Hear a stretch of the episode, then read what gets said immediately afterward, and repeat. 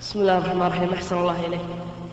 يقول إنسان مسافر وهو في طريقه أراد أن يصلي جماعة في مسجد وإمام هذا المسجد مقيم وأراد أن يصلي معه صلاة العصر فلم يدرك إلا الركعة الرابعة.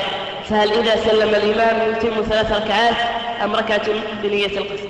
نعم إذا أدرك الإمام في آخر ركعة فإنه يجب عليه أن يتم أربع لعموم قول النبي صلى الله عليه وعلى آله وسلم فما أدركتم فصلوا وما فاتكم فأتموا. ولأن ابن عباس رضي الله عنهما سئل ما بال الرجل يعني المسافر يصلي ركعتين ومع الإمام يصلي أربعا فقال تلك هي السنة.